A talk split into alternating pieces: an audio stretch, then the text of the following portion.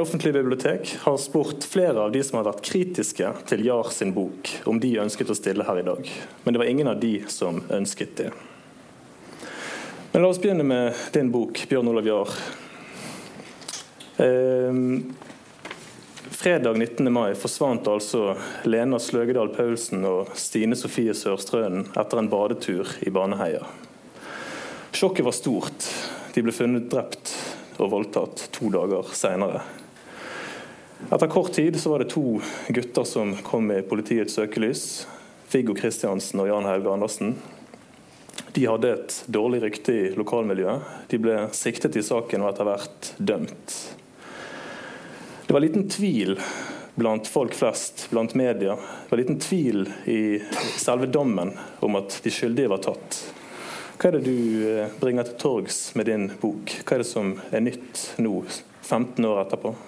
Ja, jeg mener Det er veldig mye nytt. Eh, og, og det som er, er at altså, Min fascinasjon for historien ble jo vekket at Viggo Kristiansen har hele tiden benektet å ha noen ting med disse drapene og ugjerningene å gjøre.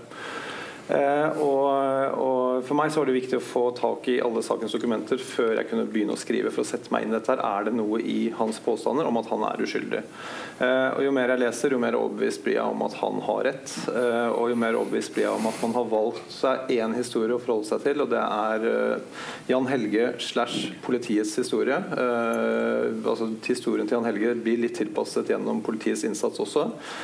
Viggos historie den er altså han har, han har fortalt den, men den har aldri blitt presentert egentlig ordentlig. Eh, og, og, den er jo og den er mye mer plausibel og mye mer sannferdig. Eh, og, og, etter hvert som jeg ser at uh, Det har jo også vært fremme tidligere dette med altså Mobilbevis er viktig, DNA-bevis har vært viktig.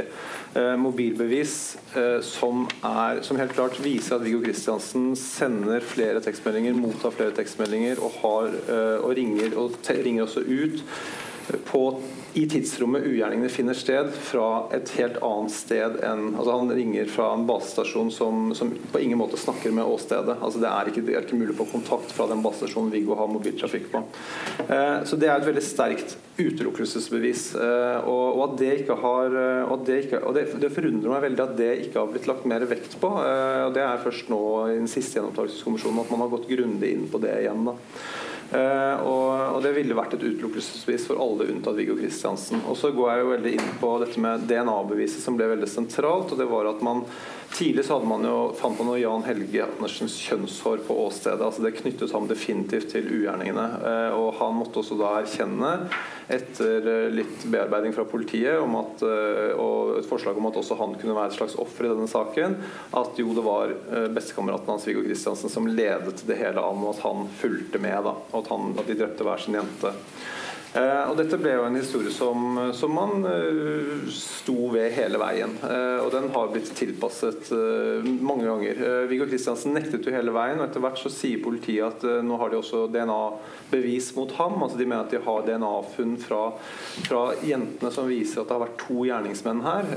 og de ble presentert som at det er 100% sikkert at de har funnet spor fra Viggo Kristiansen som knytter Viggo Kristiansens sæd til åstedet.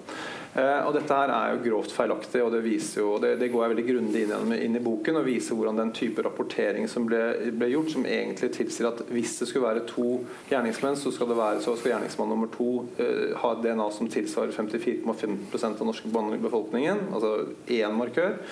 Uh, og, og, måten denne analysen er gjort på, er også, er også at man, man, har rapportert der man, en, der man mener å finne en blandingsprofil mellom to personer, mens uh, det sedfunnet hvor det er klart mest spor å hente, hvor det viser at man faktisk har spor fra fire gjerningspersoner, det blir holdt unna i saken. Så man presenterer bare det som kan være med på å bygge opp under at Viggo Kristiansen kan være en skyldig. Og dette her handler om noe så så vondt og vanskelig som at politiet havner i en bekreftelsesfelle. Altså, de er så overbevist om at de sitter med, med to gjerningsmenn, og at Viggo Kristiansen er den ledende. Og så er det sånn, Nå prater jeg veldig mye, jeg skal avslutte runda her. Så er, det, eh, så er det, det som er veldig interessant, er at ganske tidlig så, så henter jo politiet inn egne eksperter. altså Det er jo åstedsgranskere som er på åstedet og gransker, og de ser at både på jentene, de er drept på helt identisk vis, og på åstedet så er alle grenene kuttet likt. altså Alt tilsier at det er én gjerningsmann. Så det blir laget en gjerningsmannsprofil som viser at det er én gjerningsmann i denne saken. her. Den rapporten blir holdt til side og dukker ikke opp før i 2010. Eh, så Politiets egne eksperter tror at det er én gjerningsmann, mens det er etterforskningsledelsen i Kristiansand mener det må være to når de tar Jan Helge Andersen. For de mener Jan Helge Andersen er en sånn etterdilter, og at Viggo Kristiansen er den skumle typen. Og da legger de dette her til side. Og det er jo veldig grovt. da. Vi kan komme inn på bevisene litt nærmere etter hvert, men la oss først høre litt eh, fra de andre i panelet. Eirin Eikefjord, hva syns du om at det kommer en journalist 15 år etter at dommen ble rettskraftig, og frikjenner den ene av de domfelte? Er det, er det greit? Ja, det syns jeg er greit. Og særlig en sånn sak som er såpass eh, forvirrende for mange. Det er veldig fragmentarisk bilde. Det har skjedd veldig mye opp igjennom som jeg tror det er vanskelig for de som ønsker å sette seg inn i saken, å få oversikt over. Så det å få et helhetlig bilde av saken, det syns jeg absolutt er positivt. Eh, når det er sagt, så er det jo med en veldig klar agenda denne boken skrives. Eh, tar veldig sterkt og bombastisk stilling til at er til skyld, og mener at Viggo er uskyldig. Og det sies jo egentlig på en av de første sidene. Det tenker jeg at kanskje trekker litt ned i den forstand at hvis man ønsker å lese en objektiv beretning, så ble i hvert fall jeg litt sånn OK, men nå er det et partsinnlegg jeg leser, nå er det ikke eh, det. Eh, så det kan jo selvfølgelig være en innvending mot dette prosjektet. Men eh, bortsett fra det, så ja, så mener jeg at det, og det å se på den type saker med et journalistisk blikk eh, kan ha mye for seg. Ja, Frode Elming Pedersen, du har skrevet to artikler om dommen i denne saken. Du har et kritisk perspektiv på disse dommene, særlig denne dommen fra byretten. Mm. Hva, er du, hva, er det du, fester deg ved? Jeg har analysert dommen og dommens egen faktumsfremstilling, altså dommens fortelling om det som skjedde. Ehm, eller det retten mener skjedde.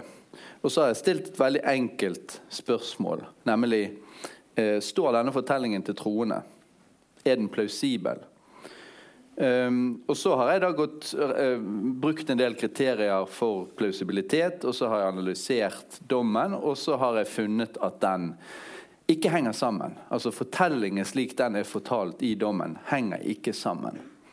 Uh, og så har jeg sagt at uh, vel, hvis fortellingen ikke henger sammen, så må vi finne ut hvorfor, eller hva er problemet. Eh, og så eh, har jeg jo da analysert det og kommet frem til at eh, grunnen til at fortellingen ikke henger sammen, er ikke at dommerne har vært klønete fortellere, men at det er iboende problemer med det retten sier har skjedd, og det som er bevissituasjonen. Um, og da har jeg, i motsetning til Jar, eh, ikke gått lenger enn å konkludere med at beviskravet i straffesaker, som altså sier at tiltalte skal være skyldig hinsides enhver rimelig tvil, eh, ikke er oppfylt i denne saken. Altså her er det plenty med tvil. Men selv om dommen eh, har inkonsistenser, eh, så er det jo ikke dommen som avgjør eh, hvorvidt altså domsteksten som avgjør hvorvidt de tiltalte er skyldige. Kan de ikke være skyldige selv om dommen er dårlig skrevet? Altså, man, har jo et, har jo et begrunnelseskrav i straffesaker eh, som tilsier at de viktigste grunnene for at en person blir dømt, skal eh, komme frem i dommen. Sånn at Hvis det hadde vært sterke argumenter for å dømme Kristiansen, som retten satt på eh, så, altså, kan, Det er ikke sannsynlig at retten satt på andre argumenter som de anså som viktige, og som de unnlot å nevne i dommen. De har nok problemer som det er, for å si det sånn, hvis du leser den. Eh, sånn at Hvis de hadde hatt noen andre sterke kort på hånden, så er det all grunn til å anta at de hadde spilt de. Eh, for dette er en retorisk tekst som er åpenbart skrevet for offentligheten. Altså dette, er et, dette er en tekst eller en sak som har et enormt press på altså medietrykk på seg. Sånn at det ikke er en hvilken som helst dom, dette. Altså Dette er en dom som dommerne vet skal stå. Men la oss gå tilbake til eh, det som skjer eh, etter at eh, de to blir pågrepet i, i september år 2000. Eh, det som, noe av det første som skjer, eh, eller det som skjer i forkant av pågripelsen, er jo at eh, Viggo Kristiansen forklarer seg uriktig. Han hevder at han ikke har vært i Baneheia den kvelden drapene skjer. Og han oppgir gale tidspunkt om når Jan Helge Andersen har kommet på besøk. Hvorfor skulle han snakke usant hvis han ikke hadde noe å skjule? Ja, det, men her er det sånn Det Viggo Kristiansen sier han, han, kommer faktisk uoppfordret i et avhør som er midt på sommeren, eh, jeg tror det er 13. juli, så sier han at det er noe jeg glemte å fortelle. Og så forteller han selv, og det skriver jo også politimannen som avhører ham, at dette kommer uoppfordret. At han har vært i ved svartkjønn, som de, de, som bor lokale, de kaller det Det ligger litt i utkanten av Baneheia. De kaller ikke nødvendigvis Baneheia, men da sier han sånn han har vært syklet inn der og møtt Jan Helge eh, på, altså på, nordsiden av Tredje Stampe, motsatt side der hvor jentene er og bader. Eh, og, at, og, at, de går tilbake. Så han forklarer dette her eh, Jeg mener dette kommer uoppfordret. Så jeg, jeg, ser, jeg ser, egentlig ikke noe store problemet med, med, det. Jeg vil ikke si at det er noe usant i det. altså han forklarer senere at han har ikke tenkt at han har vært i Baneheia uh, den dagen. Um, og Det kan hende at han har holdt det skjult, jeg vet ikke, men det vil uansett ikke bevise altså, det vil uansett ikke tilsi at han er en drapsmann. Uh, og, så er det, og så er det det at han um, I dette tidspunktet Jan Helge Andersen kommer hjem til ham uh, Det blir jo veldig sånn rart her, fordi det som det Viggo Kristiansen sier at Jan Helge kommer til ham klokken halv åtte, mens Jan Helge Andersen sier at han kommer til Viggo Kristiansen klokken åtte. Og Senere så blir det sagt fra politiets side, og også etter en forklaring fra Jan Helge at de hadde samordnet forklaringene sine. Eh, og Da er det veldig rart at de sier en halvtime feil eh, sånn rett etter. Eh, altså Det gjør de i spørreskjemaet som kommer bare to dager etter drapet. eller. Eh, så, så det, den, det, det, stemmer ikke. og jeg, jeg, tror at, eh, jeg tror Viggo tror at Jan Helge kommer til han klokken halv åtte, men, eh, men, jeg tror ikke han er sikker. Jeg tror ikke han har, ikke han har begrep på tiden. Senere så sier han så senere når, når politiet sier at han kan ikke ha kommet til deg før klokken halv ni, så, så, sier han seg enig i det. da, Og så endrer han forklaring til det. Så Det er, det er vel endringen han har i forklaringene. Uh, og Jeg tenker at de endringene er uh, Jeg tror det er veldig vanskelig å forklare seg helt 100 riktig, kanskje. Og jeg, hvis, du er, hvis, du er, mistenksom, så tenker jeg at det kan, ja, det kan, være, det kan virke mistenkelig. Hvis du ikke er mistenkelig, så tenker jeg at det kan være helt greit. Men anlegger ikke du et litt vel positivt perspektiv på Viggo Kristiansen? Han var jo tross alt en ung mann som hadde vært i politiets søkelys tidligere. Han, det var en eh, ganske stygg kikkersak. Eh, han ble, samtidig som han ble eh, domfelt for drapene, så ble han òg domfelt for, for seksuelle overgrep mot en liten jente. Han hadde jo en lang forhistorie som seksualforbryter. Ja, Han hadde jo ikke noe lang forhistorie som seksualforbryter da han ble arrestert. Uh, altså denne, denne, saken som sier om det seksuelle overgrepet, kom jo frem underveis. Men, uh, men, det er klart at disse tingene her altså den, Hans oppførsel var jo, var jo, sterkt medvirkende til at uh, han var i søkelyset til politiet. Og, og, det tenker jeg er helt naturlig også, at de så på ham. han var jo det, han ble definert som gataskrekk. Han var jo en fyr som ropte ukvemsord etter damer som syklet forbi, og, og var, jo, var jo en ordentlig bølle. da. Eh, sikkert og mange som fryktet ham. Eh, og så, så jeg, og jeg tenker sånn, Men jeg tegner ikke noe Det jeg tror jeg gjør i boken, at jeg, jeg tegner et veldig helhetlig bilde av Viggo Kristiansen. Det er, ikke noe, er ikke noe mønsterbilde. Og jeg tror de fleste som Jeg har hørt fått tilbakemeldinger fra folk i politiet som, som sier at det er så bra at du tegner et bilde av ham som, som vi faktisk kan tro på. Altså Det er et bilde på noe godt, men mye vondt. Eh, men, men, det jeg tror at jeg menneskeliggjør Viggo Kristiansen. Altså jeg viser at det er, det er flere sider av den siden alle har blitt kjent med gjennom mediene tidligere. Altså Alt vi er blitt kjent med, er denne denne sinte gutten på det, det, bildet hvor han ser ut som han er rasende. Eh, og, og, alle har alltid tenkt at Viggo er den store, sterke. Så folk blir jo veldig overrasket når de hører at Viggo Kristiansen er 1,72 høy og veier 70 kg, og Jan Helge Andersen er 1,80 og veier 95 kg. Det er liksom Alle forestiller seg at det er motsatt, at det er, at det er Viggo som er den store, sterke som, som dytter på Jan Helge. Eh, så, men altså ja, nei, jeg, jeg, tror bare at uh, jeg, jeg, er ikke, jeg, er ikke, med på at jeg, at jeg rosmaler han, men, men, jeg tar han i forsvar på den måten at jeg mener at han er uskyldig dømt for et drap. Han er dømt for et drap han ikke har begått, og det syns jeg er veldig urettferdig. og det tenker jeg er veldig viktig å skrive. Jan Eikefjord, Hva tenker du om uh, dette bildet som ble tegnet av uh, Viggo Kristiansen av media under rettssaken f.eks.? Uh, det var jo få detaljer som ikke ble nevnt når det gjaldt hans private seksualliv og, og alle de avvi, av, avvikende tingene han, han, hadde gjort. Eh, kan det ha bidratt til eh, at han ble dømt som han gjorde? Jeg håper jo virkelig ikke at det ble bidro til at han ble dømt som han gjorde, for det er jo noe retten skal og jeg håper å gjøre se vekk fra. Men jeg tror jo absolutt journalistene må ta sin del av skylden for den der eh, demoniseringen av Viggo Kristiansen, og at han har fremstilt blitt fremstilt som et sånt nasjonalt monster, nærmest. Og jeg hadde jo akkurat samme det du sier med denne, hvordan de så ut, og hvordan man forestilte seg. Jeg hadde jo nøyaktig samme bilde som du beskriver. Når jeg leste boken, så var det jo første gang jeg innså at han var en bit, liten, spretten turner på 1,75. Det hadde jeg aldri sett for meg. Og det viser jo hvor sterk den mediemakten er, at man klarer å danne et bilde av en person som overhodet ikke stemmer. Og det syns jeg òg er et veldig interessant aspekt av den boken, nemlig det at den systemsvikten som er rundt denne saken. Nå er det jo journalistene som er nevnt, og da er det jo typisk for denne type saker er at man jager i flokk, og det er veldig sterk emosjonell eh, berøring fra mange, tror jeg. Jeg leste bl.a. det som BT skrev på første dag, og det var jo fryktelig svulstig og veldig pompøst og ganske pinlig å lese nå i ettertid. Eh, at man skulle jo tro at journalistene vil strukket seg lenger for å hvert fall gi et skinn av uskyldspresumpsjon. Det er kanskje noe som har forandret seg over tid, jeg vet ikke. Men uh, i hvert fall det som du gjengir i boken, uh, gjør meg veldig mismodig på vegne av uh, journalistikken. Ja, kan, og, og det, det, er jo um, og det, det, er veldig viktig i denne saken her, så var altså Journalistene var veldig ensrettet. Det var én journalist som mente at noe var galt, og han var definitivt alene om det. En Dagbladet-journalist. Men ellers så var, man, ellers så var det det, det, som, det som skjer her også, at man blir veldig opptatt av hvem som er drapsmenn. Det er en ting, og det, det, har man bestemt seg for på forhånd. Og man er veldig opptatt av Viggo Kristiansen. Så det blir et veldig veldig fokus på han. Så hele rettssaken, altså sånn som jeg ser dekningen av rettssakene, så leser jeg at det handler veldig mye om person og veldig lite egentlig om fakta. og det, Noe av grunnen til det er også at de pårørende går ut før rettssakene og sier at vær så snill, i denne saken så ønsker vi ikke å vite hvordan. Vi vet at de har blitt seksuelt misbrukt og drept, men vi vil ikke vite hvordan. Eh, vi vil vite hvorfor, og vi vil vite hvem. Og Da blir det veldig mye fokus på hvem. og Fedrelandsvennen følger også opp og sier at ja, i denne saken her så vil ikke vi skrive om hvordan. Og Da mister man noe som er helt helt sentralt, og det er jo at uh, de jentene er drept på helt identisk vis. Man er så sikker på at det er én gjerningsmann, men det, det, det, blir det, blir knapt nevnt i en bisetning. altså.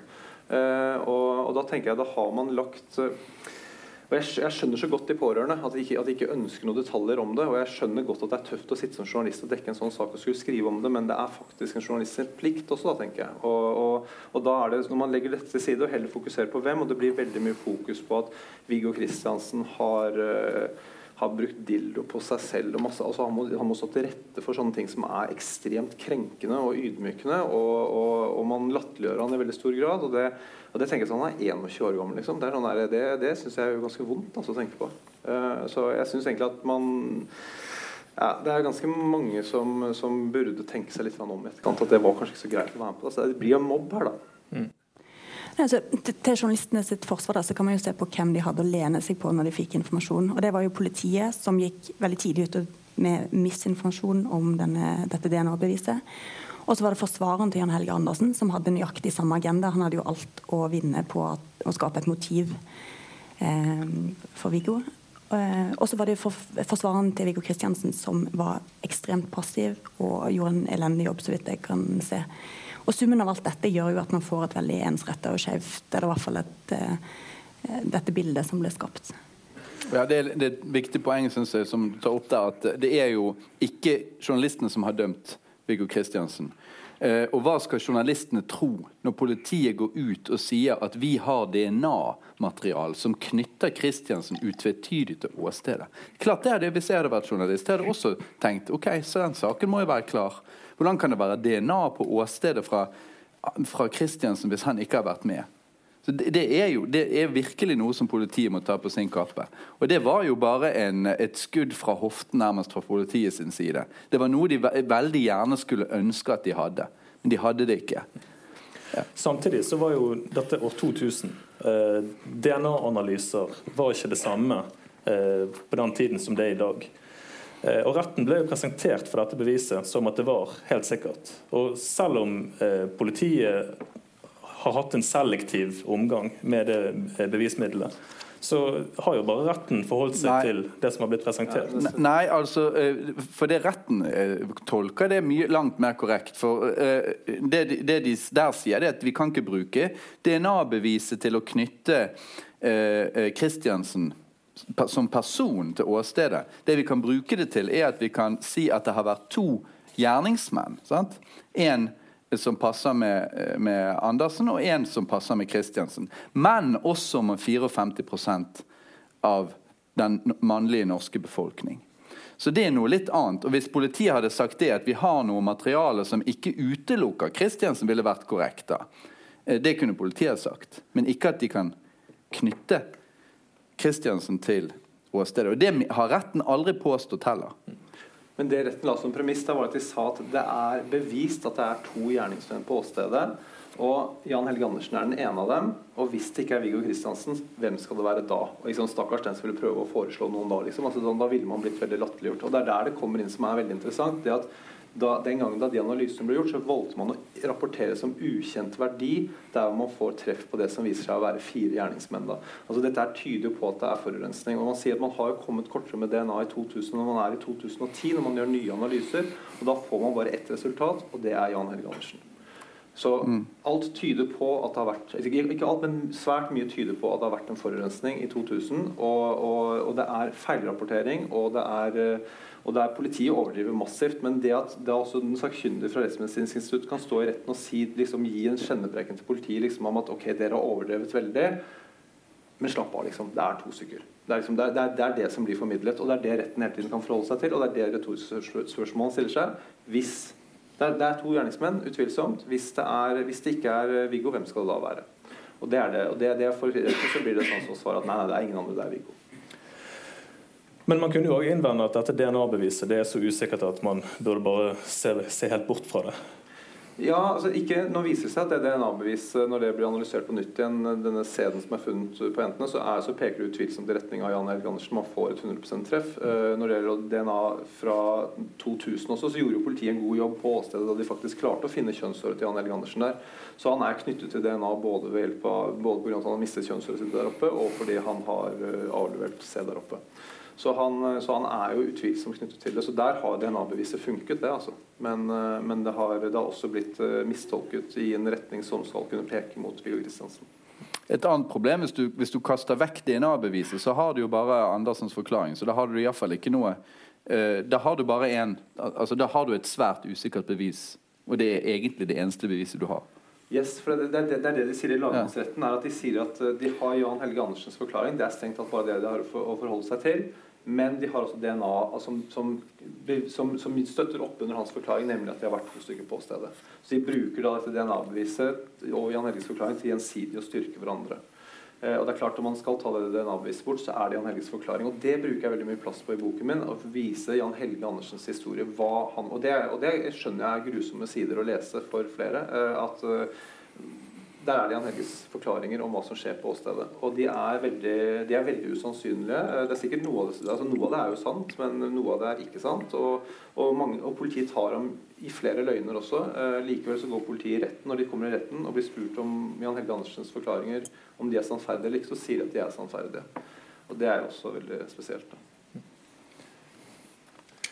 Eh, hvis vi ser på et av de andre Eh, bevisene som du, Frode, har skrevet om, så er det dette eh, såkalte mobilbeviset. Mm. Der er trafikk fra Viggo Kristiansen sin telefon til en basestasjon som ikke har dekning på åstedet. Mm. Eh, der er trafikk fra telefonen hans klokken 18.57, 1924, eh, 1937 og 2019. Mm. Og Hvis man studerer dette beviset litt nøyere, eller hvis man ser på den trafikken litt nøyere, så ser man at det er bare trafikk ut fra hans telefon ved tre anledninger. Og det er litt før klokken syv, så er det ti over halv åtte, og så er det ti på halv ni. Det vil si at det er to perioder på 40 minutter der det ikke er noen trafikk fra hans telefon.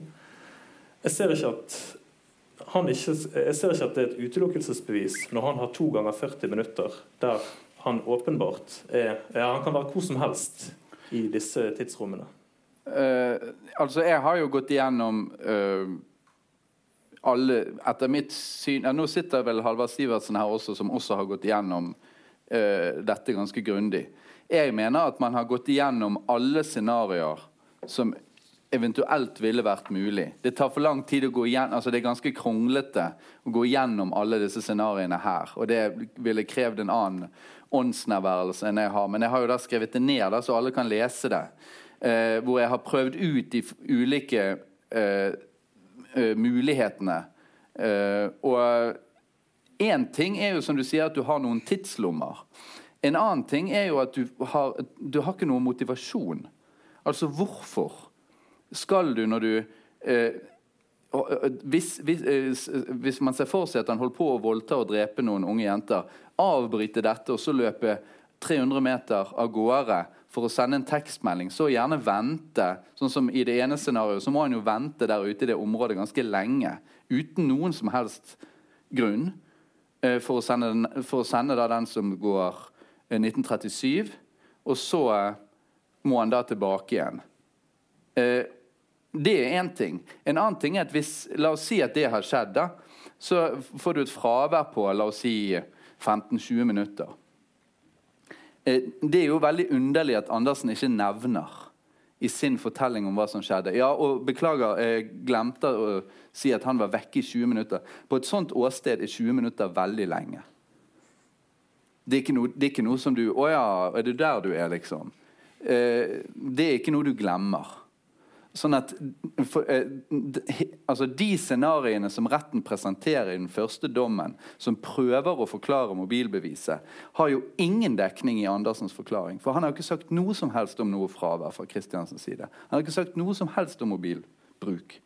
Sånn at eh, det retten gjør, som jeg mener er en, en, eh, en litt underlig ting, da, som er veldig uvanlig hvis du leser mange dommer eh, altså det er jo at retten presenterer først en fortelling som skal være det som ligger til grunn for domfellelsen. Men det er en gjenfortelling av Andersens forklaring. En, altså en komprimert gjenfortelling av Andersens forklaring. Eh, og Så tar de opp mobilbeviset etterpå. Og så prøver de å forandre den opprinnelige faktumsfremstillingen eh, på forskjellige måter. For å få det bevis, eh, mobilbeviset til å passe inn. Og Det er jo ellers aldri sånn retten går frem. Altså Det er jo en vurdering som de tar før de skriver dommen, og så presenterer de det de har kommet frem til. Mens her har de sånne reparasjonsforsøk på sin egen fortelling om det de faktisk har lagt til grunn, som ikke står til troende. Det er veldig underlig men, når man tenker gjennom det. I dommen så står det jo at uh, etter en samlet vurdering så velger retten å uh, se vekk fra dette mobilbeviset. Uh, og de legger jo ingen vekt på det når alt kommer til alt. Ja, I lagmannsrettsdommen. Ja. Men ikke i byrett, byrettens dom. Det står der òg. Nei, det står bare at det ikke er mulig å avgjøre helt nøyaktig hva som har skjedd med Kristiansens mobilbruk. Men det er, ikke, det, er ikke, det er, jo ikke noe argument. Altså, De har ikke noe argument for hvorfor det ikke er mulig å avgjøre det. For De har ikke presentert noen argumenter for, for hva som eventuelt skulle være grunnlaget for å tvile på disse analysene. Eller disse rapportene til Telenor. Retten sier vel bare at det er ikke, det er ikke mulig å fastslå hva som har skjedd med denne telefonen. Ja, Men hvorfor ikke det er mulig å fastslå, når de har, når de har helt presise eh, eh, logger på tekstmeldingene? Altså, i, i, byretten, Jeg begynner boken min med det at det, at det kommer et vitne fra Telenor Mobil som sier det at uh, at Viggo Kristiansen har hatt den og den trafikken på den og den basestasjonen, og den basestasjonen snakker ikke med åstedet. Dette blir jo et sjokk i retten. Altså her er jo liksom, nå, nå er det faktisk sånn noe ligger i luften for at Viggo Kristiansen kan bli frikjent. Eh, det da forsvareren til Jan Helge Andersen gjør, at han kaller Jan Helge Andersen opp, til, opp i vitneboksen, så sier han du kan det ikke være sånn at Viggo Kristiansen hadde sykkelen sin, parkerte den. Han parkerte den med en bom som er ganske ved et smalt område, hvor da Viggos, Viggos fargesprakne sykkel skal ha stått i to timers tid uten at noen har oppdaget den. Eh, der, skal, der skal han også ha hatt en sykkelveske.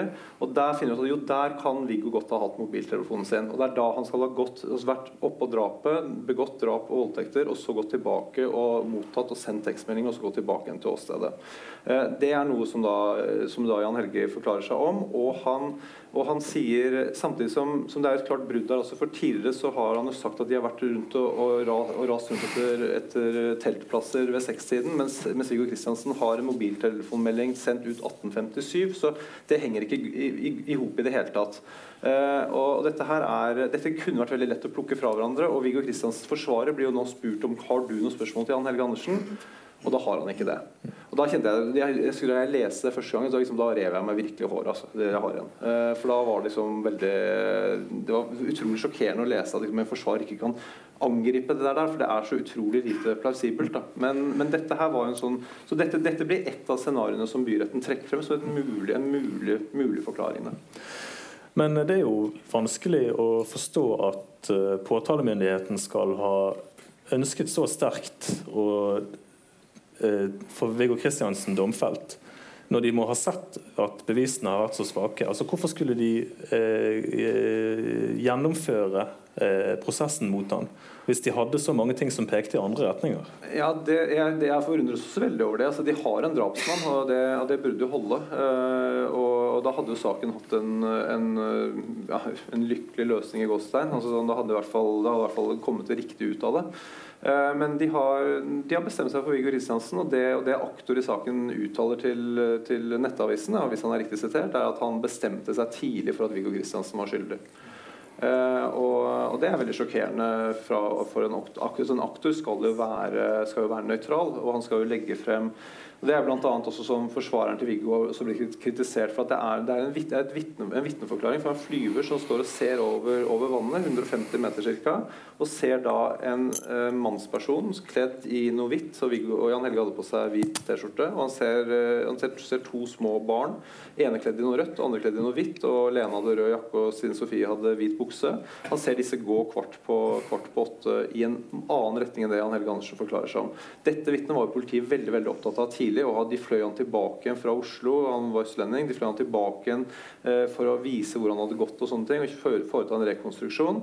Eh, og, og, så, men, men sånn saken når, når, de går til arrestasjon, så legges han til side. Han, han, han benyttes ikke.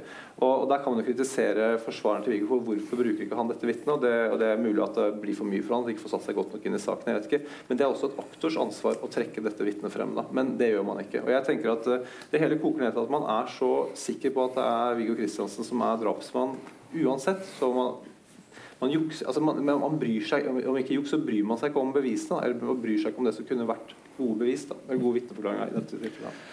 Vi har jo sett i nyere tid at uh, politiet har låst seg fast til uh, en bestemt hypotese i, i, etterforskningen. Og at de har forfulgt uh, et spor og, og, forfulgt en hypotese uten at det egentlig har vært grunn til det. F.eks. i, i Monica-saken hva tror du, eh, Kan dette ha skjedd i Baneheia-saken òg? Er det snakk om tunnelsyn fra politiets side? Ja, Det tror jeg absolutt. Og Det handler jo litt om at de òg tolker nok dette DNA-bevis eller spor eller hva man skal kalle det, som at det var, hadde vært to ulike menn der. Det er jo mulig å, å, å tro. Eh, så kan det jo òg tenkes at på den tiden både DNA og mobilbevis var jo kanskje litt nytt. At man eh, tenker veldig tradisjonelt og, og, da forholder seg til en forklaring som gitt. Og så var det nok et veldig sterkt press og mye prestisje i denne saken. Det var jo en opinion som virkelig ville ha noen dømt. Eh, den store tragedien overskygger. Så jeg tror jo at omstendighetene vil ha, ha spilt inn og presse dem til å vri på saken, sånn at den skal stemme med, med man, den hypotesen man trodde på. Skulle ikke man tro at uh, påtalemyndighet og domstoler var mer uavhengige enn som så? At de klarte å gjennomskue det som uh, ikke stemmer overens med, med, realitetene? Jo, men så er det jo ulike måter å se på, på og den, Det mobilbeviset så vidt jeg skjønte, kom jo ganske seint fram. Er ikke det riktig at det kom, ble presentert relativt seint i retten, i hvert fall? Ja, da, en, en av Dagbladets kommentator han skriver da at det er psykologisk for seint. Uh, og det, det, er veldig rart. Altså, kommer du med et bevis, så bør det jo være greit nok. Liksom, uansett når det kommer. Men uansett så har jo retten en, et selvstendig ansvar for å avfeie det. Og de, jeg syns at de avfeier det mobilbeviset veldig lett. Sånn at det er ikke noe i veien for at Viggo skal bevege seg over til andre, det andre dekningsområdet.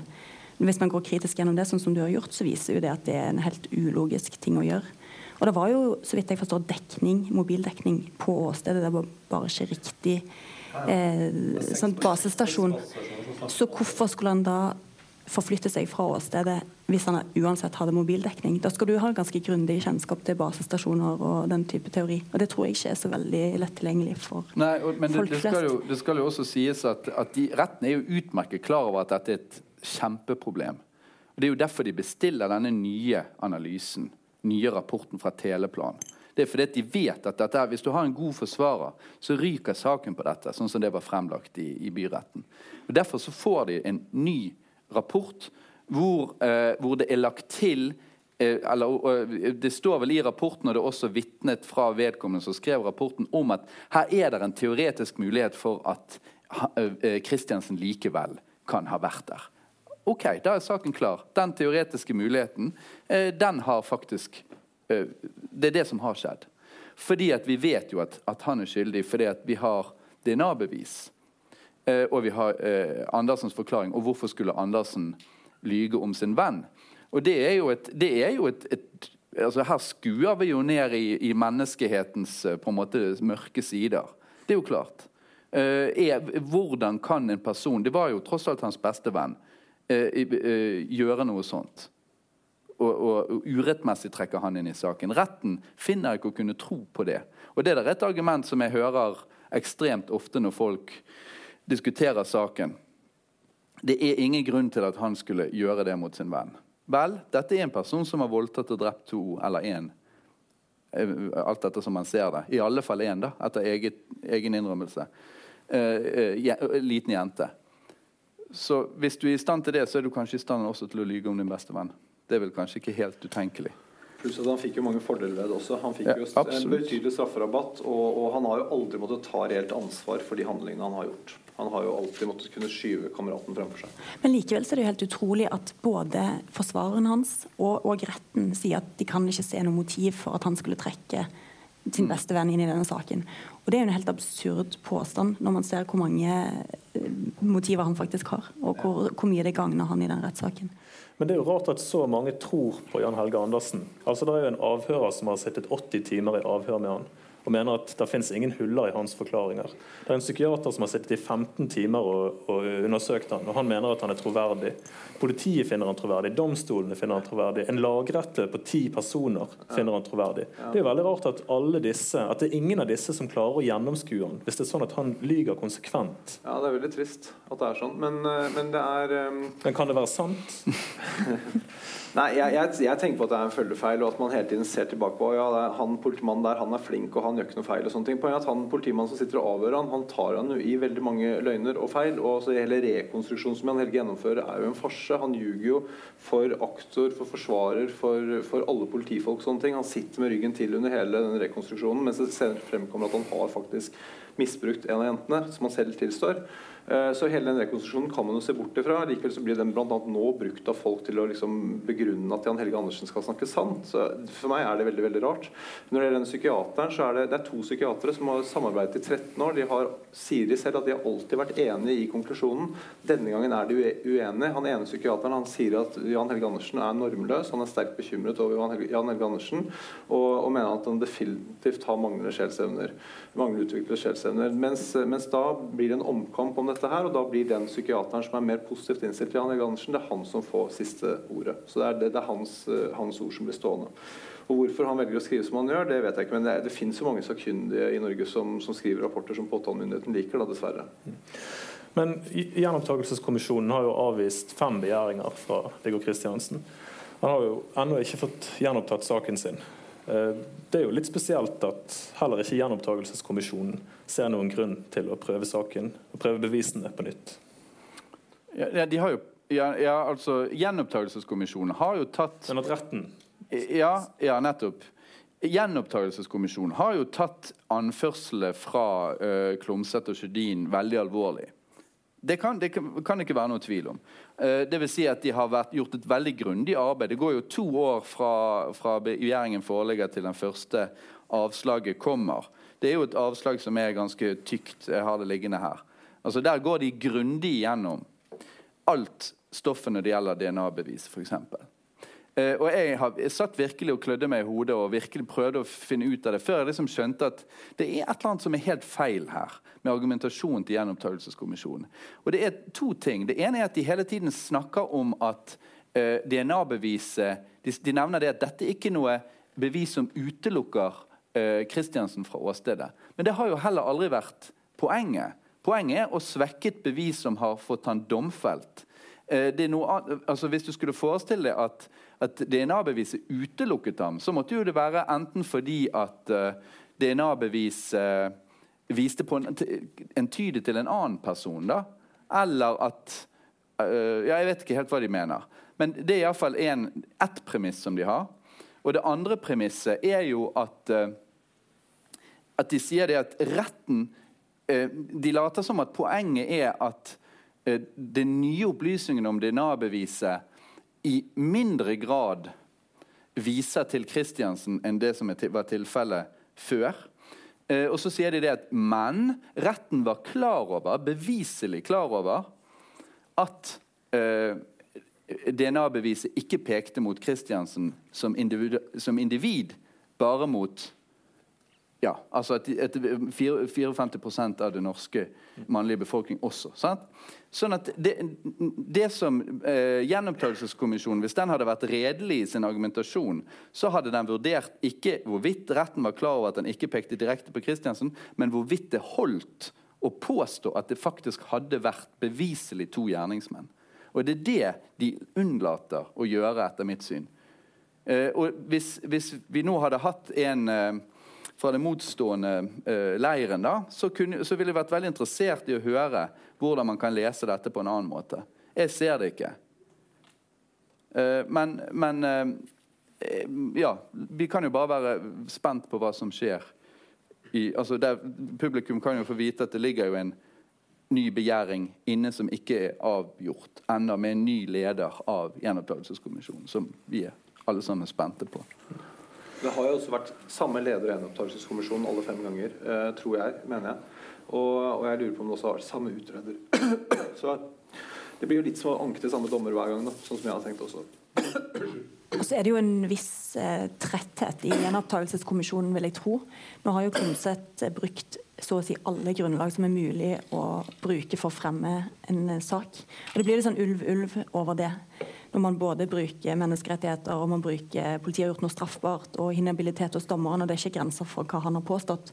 Og Det mener jeg å svekke hele grunnlaget for den eh, Den burde jo heller konsentrert seg om DNA og mobilbevis, som er faktisk de substansielle eh, innvendingene mot denne saken. Da tror jeg han har stått seg mye sterkere. Helt enig. Han er all over the place, Klumsæt. Da sier jeg takk til panelet og takk til publikum for interessante innlegg og for alle spørsmålene. Takk.